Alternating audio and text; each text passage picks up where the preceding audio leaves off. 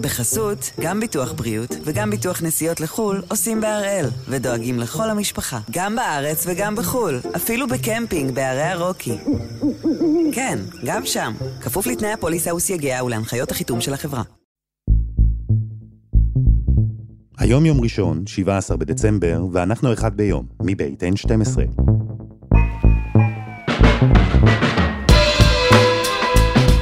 אני אלעד שמחיוף עם דלקת גרון, ואנחנו כאן כדי להבין טוב יותר מה קורה סביבנו, סיפור אחד ביום, בכל יום.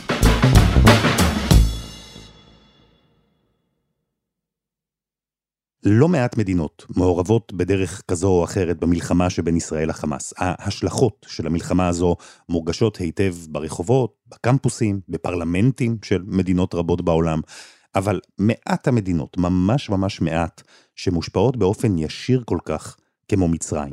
מצרים שגובלת בעזה, שמתווכת כבר שנים בין ישראל לבין חמאס. מצרים שקיבלה לשטחה את החטופים הישראלים, ומצרים שמדברים עליה כמי שצריכה לקלוט פליטים מעזה, אולי אפילו להיות חלק מאותו מנגנון שינהל את עזה ביום שאחרי. מצרים, שבשבוע שעבר ערכה, בנוסף לכל, בחירות לנשיאות. אז ביום ה-72 למלחמת אוקטובר 23, אנחנו עם דוקטור מירה צורף, מרצה בכירה בחוג להיסטוריה של המזרח התיכון ואפריקה, וחוקרת בכירה במרכז דיין של אוניברסיטת תל אביב, על איך רואים וחווים את המלחמה השכנים שלנו בדרום. או במילים אחרות, מה קורה מאז 7 באוקטובר במצרים.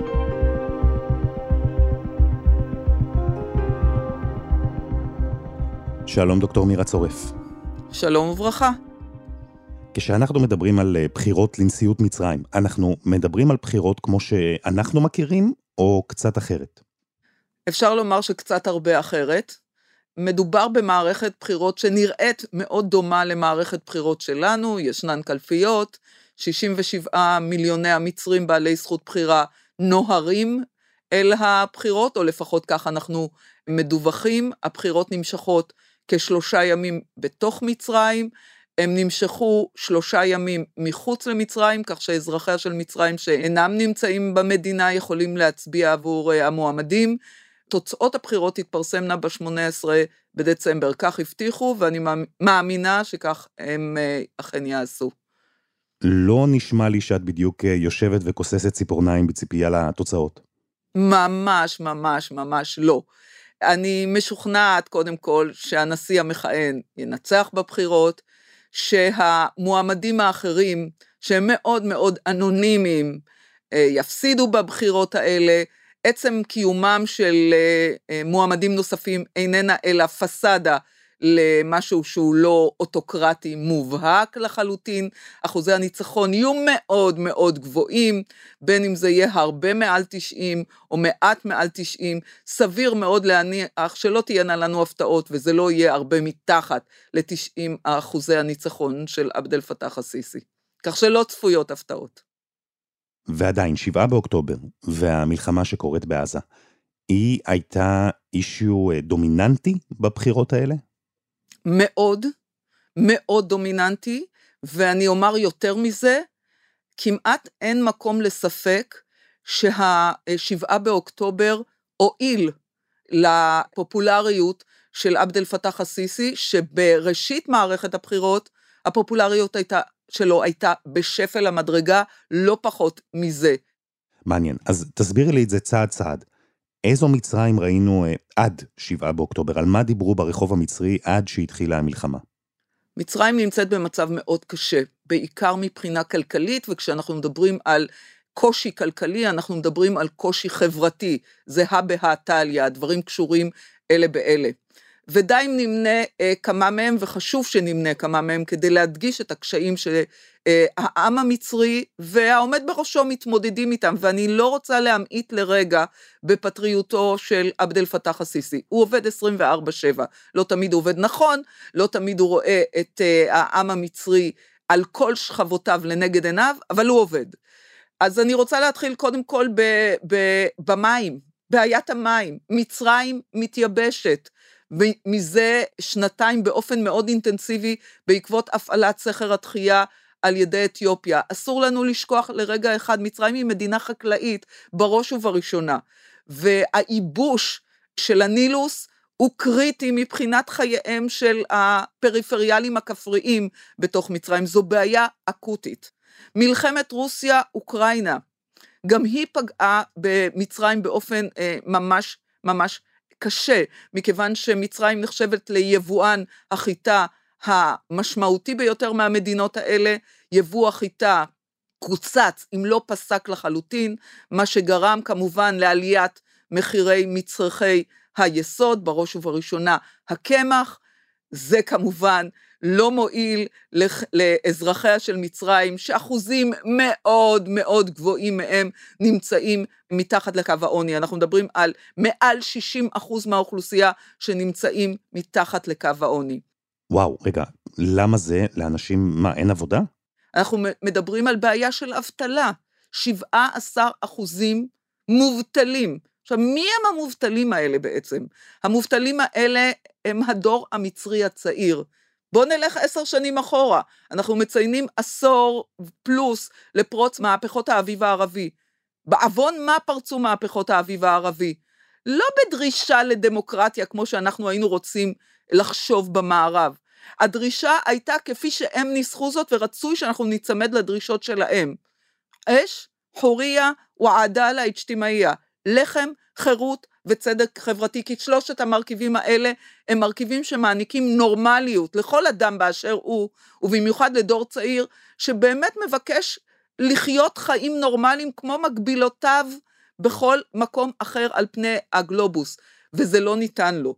האבטלה הזאת היא אקוטית במדינה שהיא מדינה פטריארכלית, מסורתית, שהערובה לנישואין היא היכולת לעמוד בתנאים של מוהר מאוד גבוה ורכישת דירה.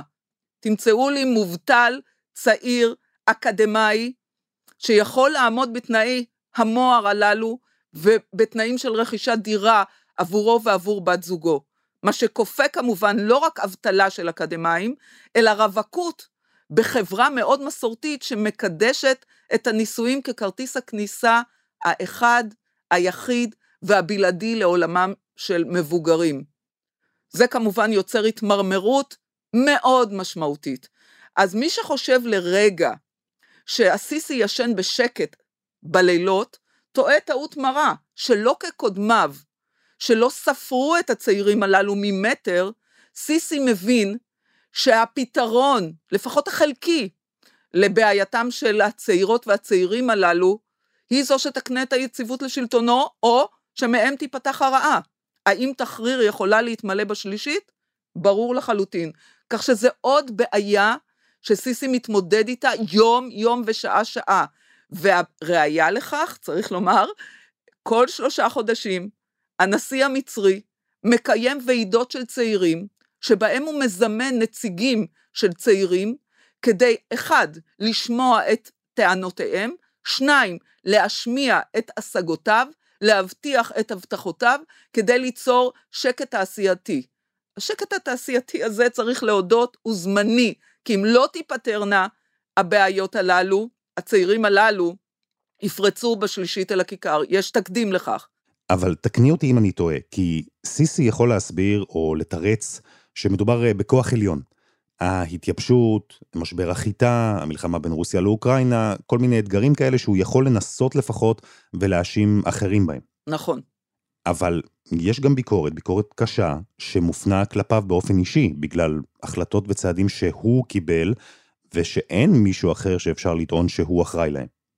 אז יש עוד קאדר של טענות שבאמת אי אפשר לדבר על כוח עליון. אללה הוא חשוב ויש לו מקום גם ב, ביוזמות של סיסי, הרי בחברה דתית, אמונית, מסורתית, גם החלטותיו של סיסי הם מן אללה, אבל בכל זאת הצעירים וחלק ניכר מהאזרחים המצרים המבוגרים למדו באביב הערבי שיש השם אחד שאליו אה, צריך להפנות אצבע מאשימה וזה הנשיא. אז אני רוצה לציין כמה מאלה. אחד, יש לסיסי נטייה לפרויקטים מגלומניים. אחד הפרויקטים המגלומניים הוא באמת קריאתה של תעלת סואץ. עכשיו, היו לזה בהחלט, היה לזה רציונל כלכלי מאוד משמעותי. כשסיסי אמר, אנחנו צריכים לכרות תעלה מקבילה לתעלת סואץ הקיימת, מה שעמד לנגד עיניו, זה קופת האוצר המצרית. קופת האוצר המצרית הייתה מאוד מאוד ריקה, והקריאתה של תעלת סואץ בחזון של הסיסי אמר שבעצם ייכנסו יותר ספינות למימי התעלה, יותר דמי מעבר יזרמו לקופת האוצר המצרי, וכך הכלכלה המצרית תפסיק לקרטע באופן שבו היא מקרטעת.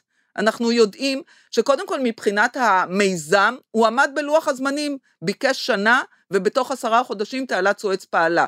האם היא פעלה כפי שמצופה? התשובה היא ממש ממש לא.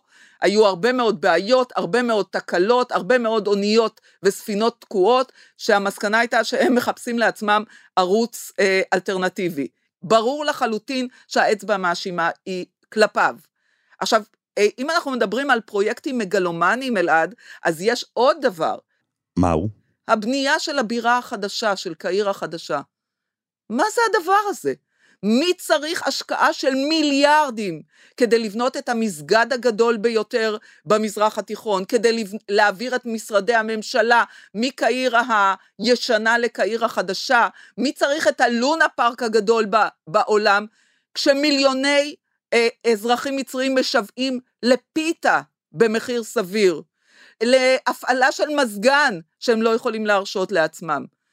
אין ספק שהפרויקט המגלומני הזה, שיש לו שוב מטרה אוטוקרטית, כך אני מכנה אותה, מה שרצה סיסי זה בעצם להזיז את מרכז השלטון מתחריר. הוא עשה משהו שבאמת הוא מגלומני, לסגור את המוזיאון המצרי, לעשות תהלוכת זהב, להעביר את המומיות הפרעוניות בתהלוכה שעולה הון עתק מהמוזיאון הישן למוזיאון החדש, כדי לעורר את הגאווה הפרעונית המצרית, זה טוב לדקה או שתיים, לא מעבר לכך, כי בסופו של דבר זה גרר ביקורת אדירה כנגדו. אלה טעויות שיזקפו לחובתו ויעוררו, ועוררו כבר, איזושהי תסיסה שכרגע היא תת-קרקעית. אנחנו יודעים שכל תסיסה מתחילה מלמטה. היא מבעבעת. אנחנו מדברים במדינה צנזוריאלית, מדינה שמצנזרת את המרחב הציבורי, מדינה שלא מאפשרת למרחב הווירטואלי להתקיים באופן ביקורתי חופשי. ולכן הכל מבעבע באופן תת-קרקעי. כרגע מה שאנחנו רואים במערכת הבחירות, סיסמה מאוד מאוד תומכת, מעק, איתך.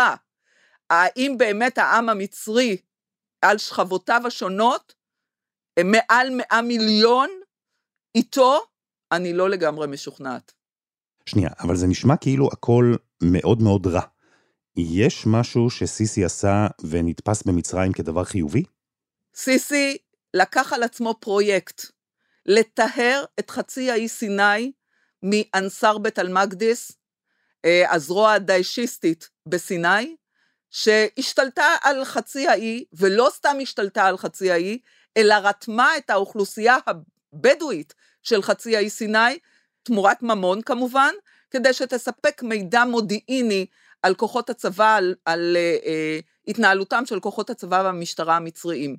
הוא לקח את זה כפרויקט, ובאמת הרבה מאוד מכוחות הצבא והמשטרה המצריים קיפחו את חייהם במאבק הזה לטיהור החצי האי סיני, והצליחו.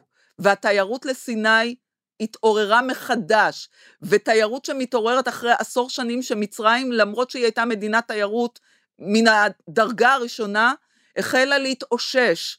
ומי כמונו הישראלים יודע עד כמה סיני החלה להתאושש, וזה דבר שנזקף לזכותו. וזה מסביר אלעד גם את העמדה הנחרצת שלו, מדוע לא ייכנסו הפליטים העזתים לחצי האי סיני בשום צורה ואופן, מכיוון שזה יטרפד את כל הפרויקט שלו.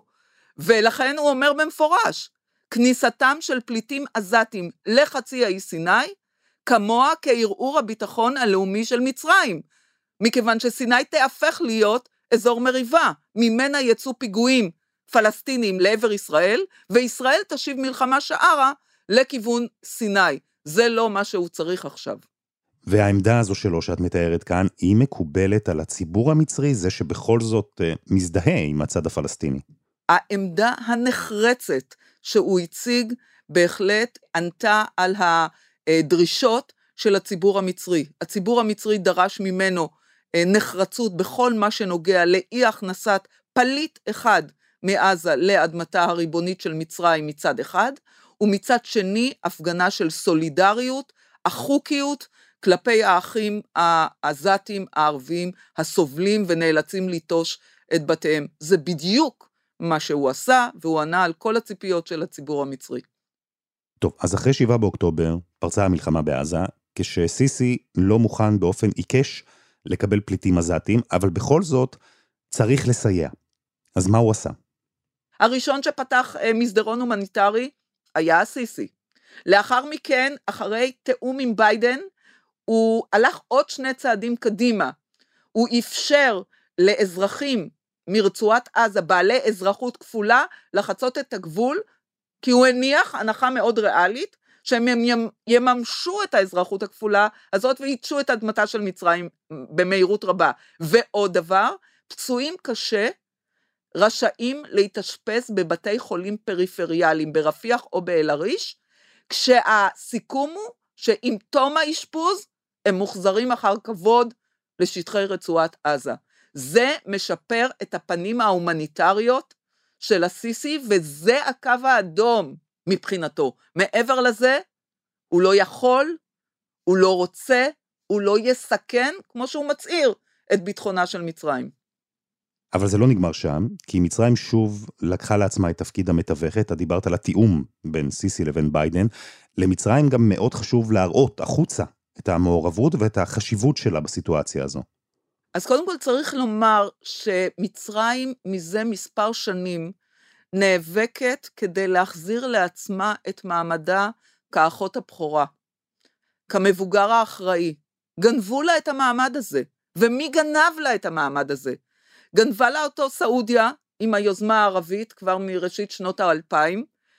מילא סעודיה, אבל מי שגנב זה האמירויות, מדינות המפרץ הקטנות, הלא חשובות, שאין להן היסטוריה, אין להן דבר.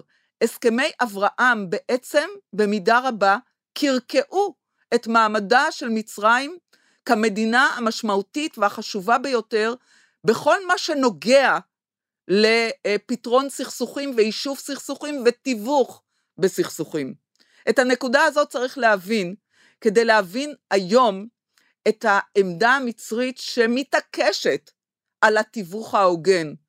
מצרים ממש נאבקת על מעמדה.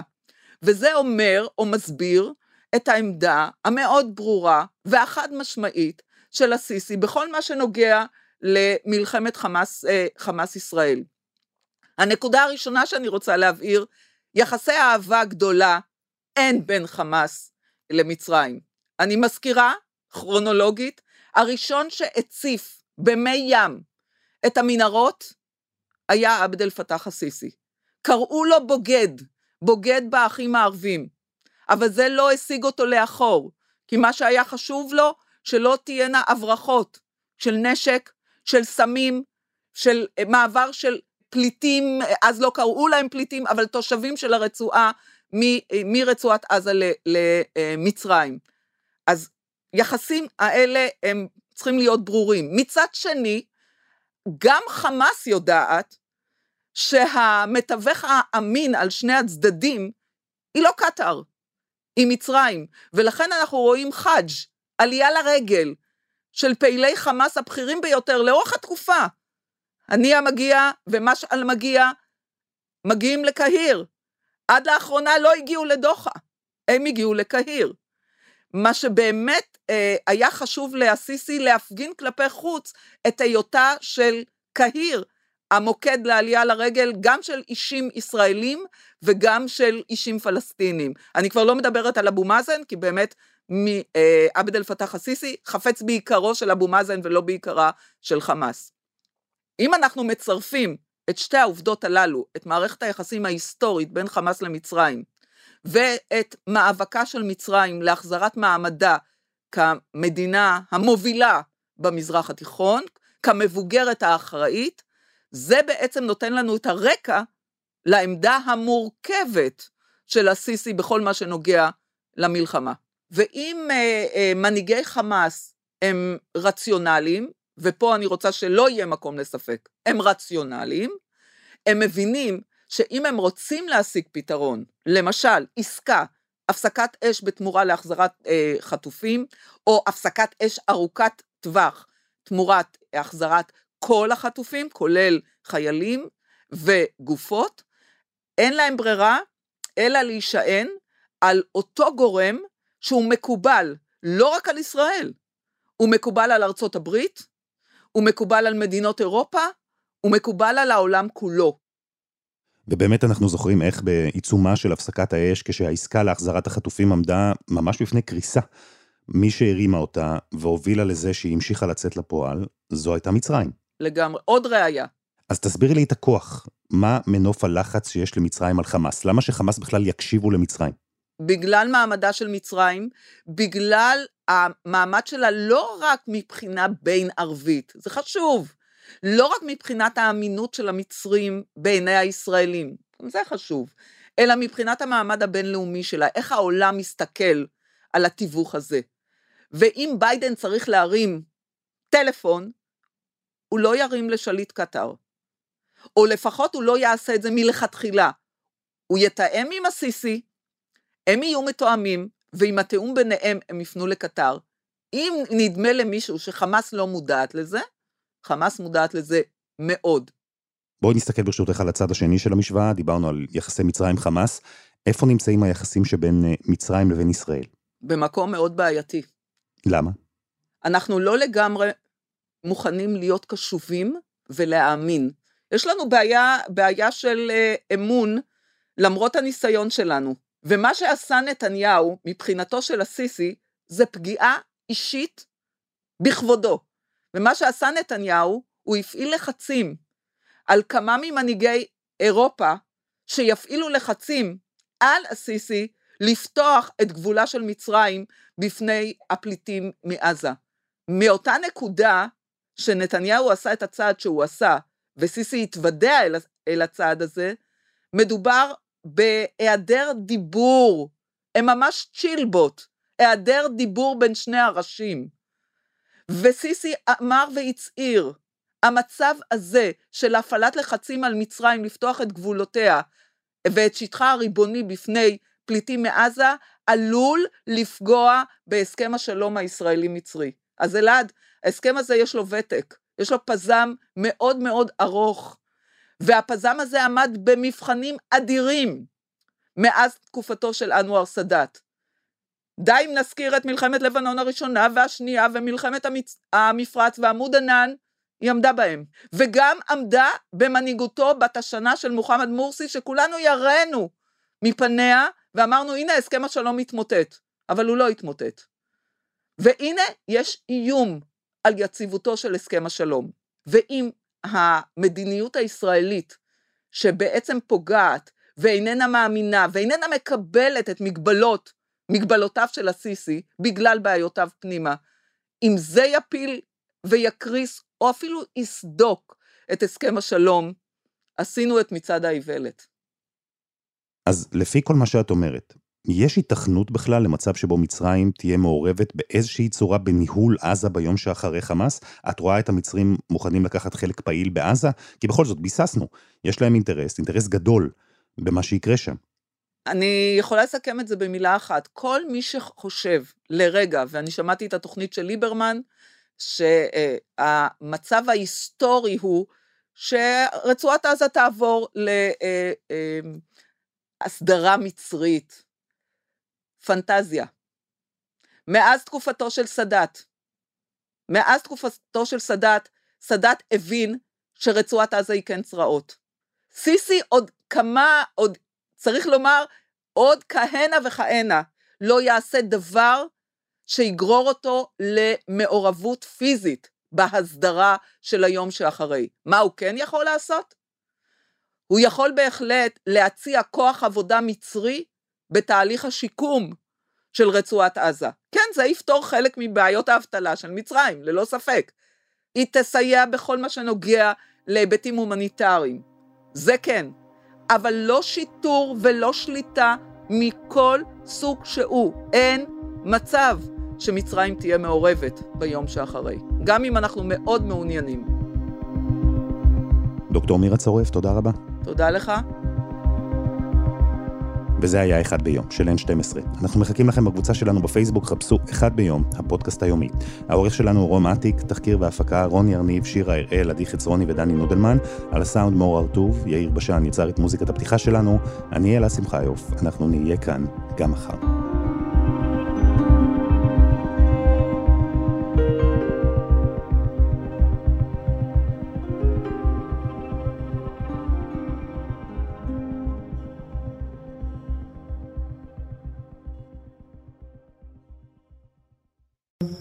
בחסות, גם ביטוח בריאות וגם ביטוח נסיעות לחו"ל עושים בהראל, ודואגים לכל המשפחה, גם בארץ וגם בחו"ל, אפילו בקמפינג בערי הרוקי. כן, גם שם, כפוף לתנאי הפוליסה וסייגיה ולהנחיות החיתום של החברה.